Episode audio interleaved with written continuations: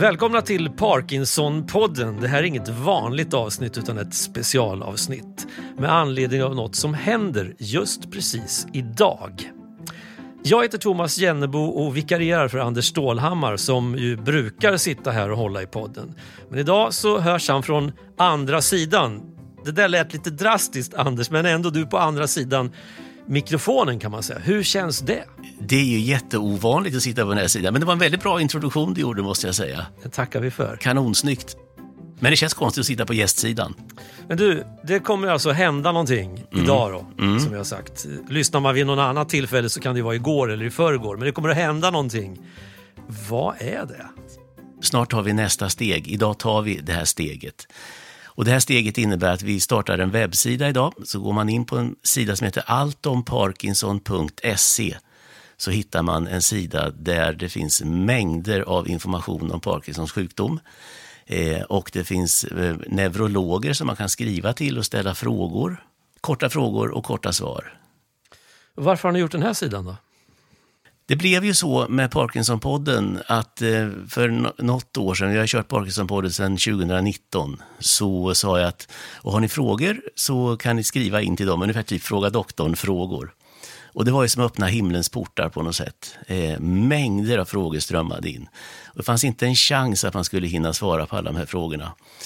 Men vi har gjort så gott vi har kunnat. De sista året nästan har vi kört vartannat program mer eller mindre med frågor. Och på något sätt så blir det ju fler frågor vi tar in, desto fler frågor kommer det. Så det bara ökar, ökar, ökar. Och då måste vi tänka till, vad ska vi göra, hur ska vi lösa det här på något sätt? Eh, och då kom vi på, vi gör en webb, en webbsida. Alltomparkinson.se och så får vi tag i några neurologer som kan tänka sig att svara på de här frågorna då. Och där är vi nu. Då var nämligen min nästa fråga, vilka ska svara på alla frågor? Till att börja med så är det en neurolog som heter Dag Nyholm som är professor på Akademiska sjukhuset i Uppsala.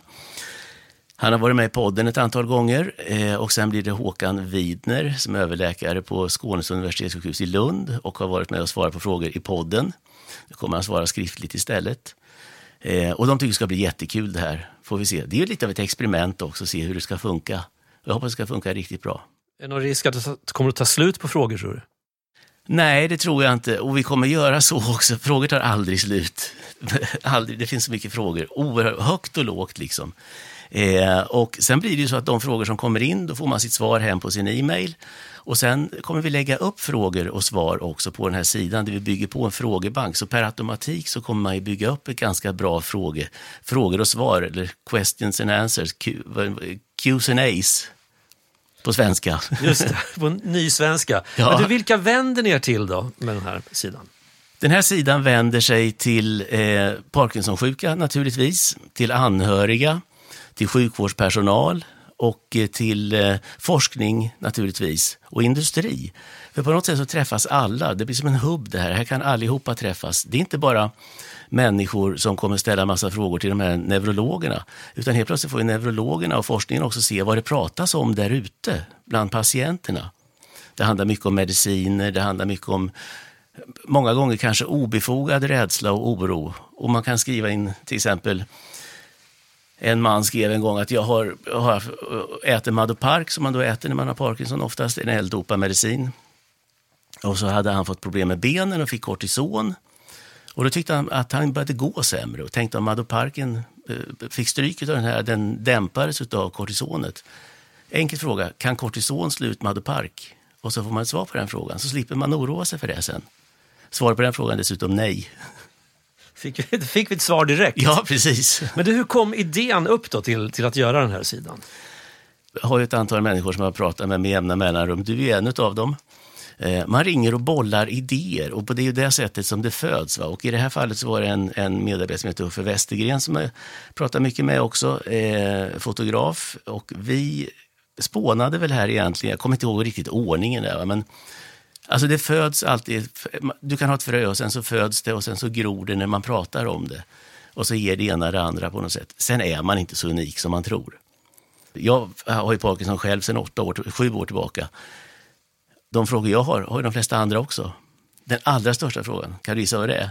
Ingen aning. Du står utanför sjukhuset och har fått din diagnos. Vad, skulle du för, vad undrar du då? Vad ska jag göra? Ja, i princip. Vad händer nu liksom? Jag vet inte hur många sådana samtal jag har fått från människor som är i 50-årsåldern och sådär. Vad händer nu? Hur fort går sjukdomen framåt? Ska jag säga upp mig? Eh, hur dålig kommer jag bli? Eh, och allt det här. Det här att, att, skapa en sån här hubb då, som, om vi nu fortsätter mm. prata ny svenska. Mm. En, en, samlingsplats, en punkt på internet där man kan få svar på i stort sett alla sina frågor som har med allt runt Parkinson att göra. 2023, mm. borde inte det ha funnits för länge sedan? Jo, det kan man ju tycka. Det borde funnits för länge sedan, definitivt. Eh, och när jag har varit ute och pratat eh, och haft folk framför mig så frågar jag alltid, hur får ni information om er sjukdom? Eh, alla säger ju nätet. Eh, jag frågade sist nu, är det någon som inte vet vad Google är? Att man googlar? Alla vet vad Google är såklart. Eh, och sen ska man komma ihåg att de som är 75-80 år idag, jag kommer ihåg när jag fick mitt första e-mail, det var 91 eller 92 någonstans där. Det är alltså 30 år sedan drygt. Alltså då började det här. Och då var de här människorna i 40-50-årsåldern som är 70-80 idag. Så man förväntar sig att det ska finnas på nätet. Och det gjorde jag också. När jag fick min sjukdom så gick jag naturligtvis in på nätet och tittade också. Det fanns inget tillräckligt bra, liksom. det var lite lösryckta bitar här och där. Eh, och sen behöver man kontakt, alltså transparens. Man behöver spegla sig med andra människor. Eh, så det är mängder av frågor som dyker upp.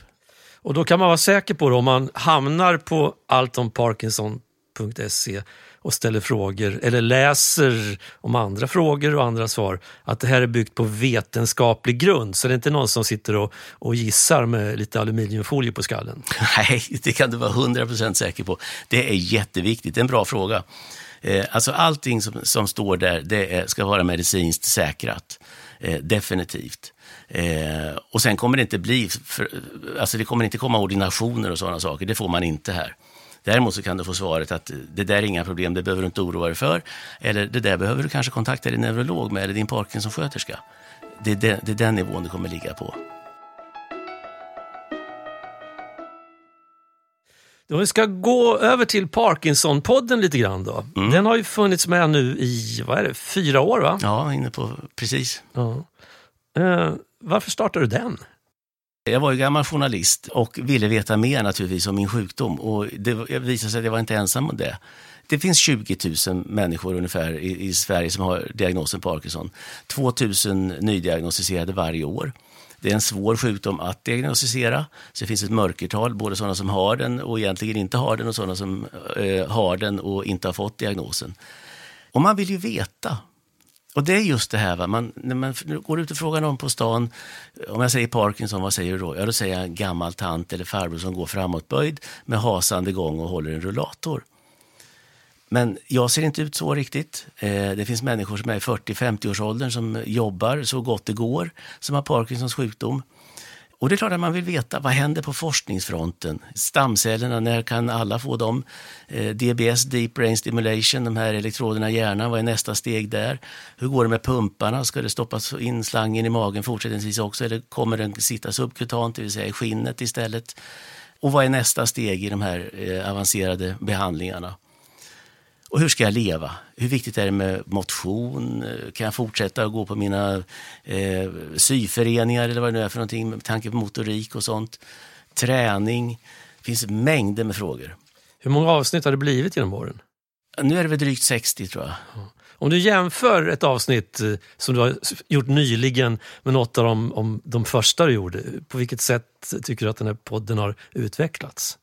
Dels har min kunskap ökat naturligtvis, så man kan vara mer relevant i frågeställningarna och så vidare. Samtidigt så är det ju lyssnarna också som bidrar väldigt mycket till hur den utvecklas med tanke på att de hör av sig med tips och idéer på sånt som de tycker vi ska ta upp. Och det är väl det som är vinsten med podden, att man kan återkoppla direkt. Det tar inte x antal veckor, månader eller år innan man får en återkoppling, utan man får en återkoppling och, och det blir omedelbart. Eh, så det är en dialog Nej, men jag, tror att, jag tror att vi är mer eh, up to date och pratar mera med och inte om. Det är fler och fler avsnitt nu som bygger enbart på lyssnarfrågor. Mm. Eh, hur var det där steget att gå över från de tidigare intervjuavsnitten då kan man säga till att nu släpper vi in lyssnarna fullt ut? Ja, jag tycker det var, känns bra, för att det är ju liksom lyssnarna som styr vad, vad, vad, man vill veta. Och det är klart att det många gånger är oerhört mycket mer intressant att få svar på sina frågor. Sen är man inte så unik.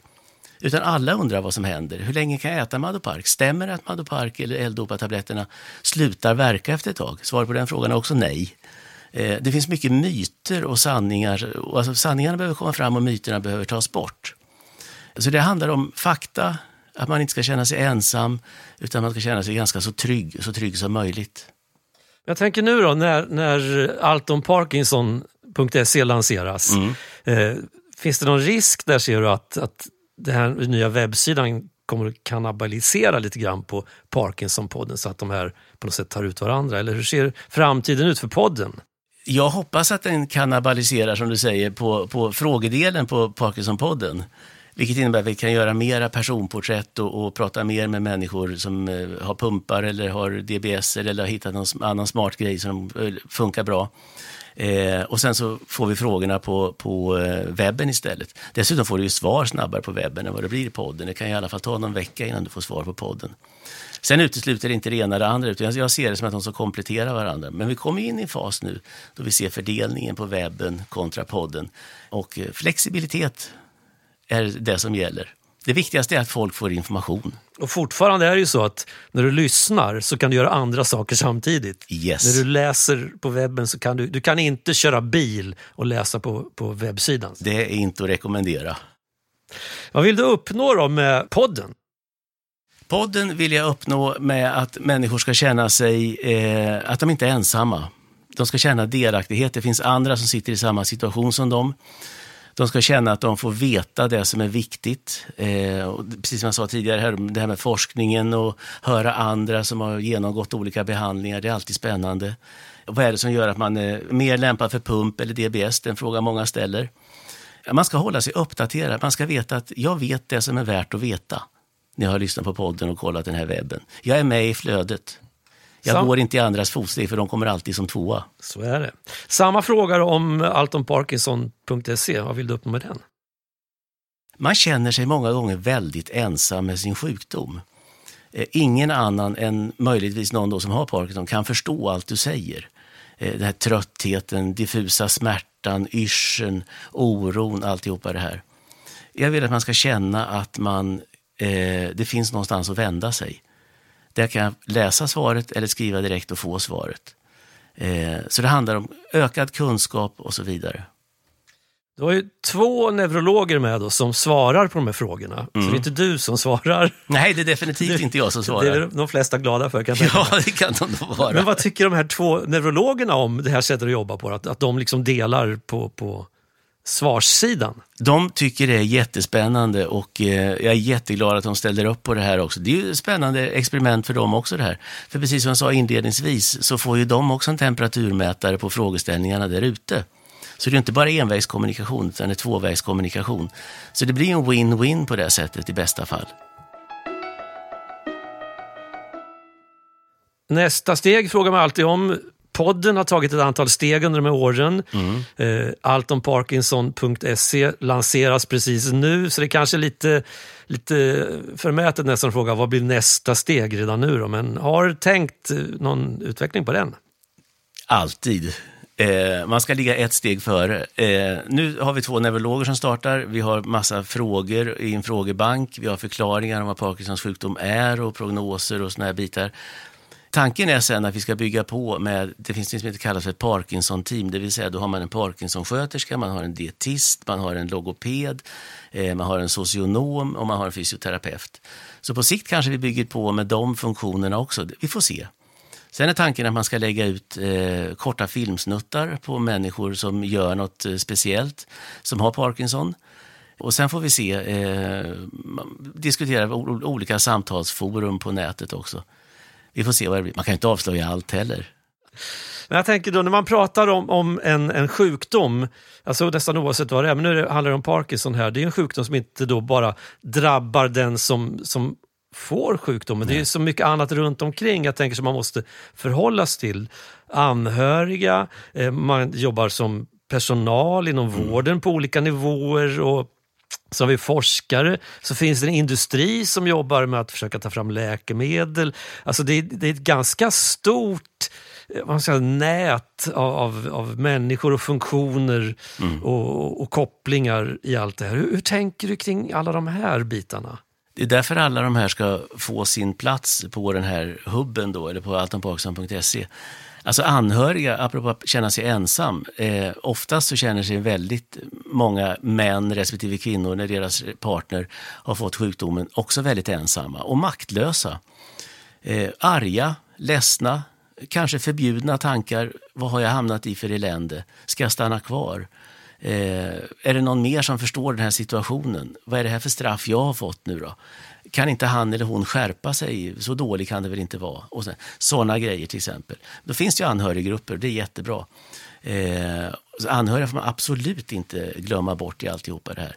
Lika mycket som den sjuke också känner, jag är bara till besvär, jag ställer bara till och sådär. Eh, jag får någon form av shit där på att, att det är okej okay med båda de känslorna. Det är inte en dags forskning om de här sjukdomarna om inte industrin fanns. Eh, och, och, eh, det är klart att, att, eh, det är bra för dem att, att höra också vad, vad, patienter och anhöriga pratar om för någonting. Sjukvårdspersonalen, jag vet att man använder podden i sjukvårdsutbildning på undersköterskor bland annat eh, i neurologiavsnittet och det är ju jättekul. Det är kanon. Det är precis så det ska vara det är ju svårt att vara sjukvårdsanställd och kunna allting om alla sjukdomar. Det finns ungefär lågt räknat 3000 diagnoser inom neurologin, alltså neurologiska diagnoser. Det finns ett 50-tal sjukdomar som har exakt samma eh, symptom som Parkinson har inledningsvis. Det är inte så himla enkelt att veta. Så det är för dem som ska kunna gå in och lära sig och läsa på så där då är tanken. Och sen behöver ju forskningen, de behöver ju patienter att testa sina grejer på också. Kanske kan bli en sån yta också, vad vet jag? Allt om Parkinson.se, det är liksom allt på ett och samma ställe? Ja, alltså allt till 100 procent kan det ju inte vara. Men det ska, man ska lita på att det viktigaste finns där. Går man in där, då hittar du det du behöver veta. Och får du inte svaret där, då ställer du frågan. Så är det. Och då får du svar. Premiär nu om ett år. Hur ser alltomparkinson.se ut om ett år? Om ett år ungefär, då kommer vi ha flera läkare med eh, som svarar. Vi kanske har eh, de andra professionerna, jag pratar om fysioterapeut, eh, Parkinsonsköterska och så vidare, så man kan hjälpa till att svara på frågor. Eh, nöjda besökare på sidan såklart, hoppas jag verkligen. Och en ökad förståelse mellan sjukvård och eh, eh sjuka. Det lät väl bra? Väldigt bra. Mm. Allt om Parkinson.se. Där ska man gå in. Anders Stålehammar, tack för att du var med i Parkinson-podden. Tack för att jag fick vara med.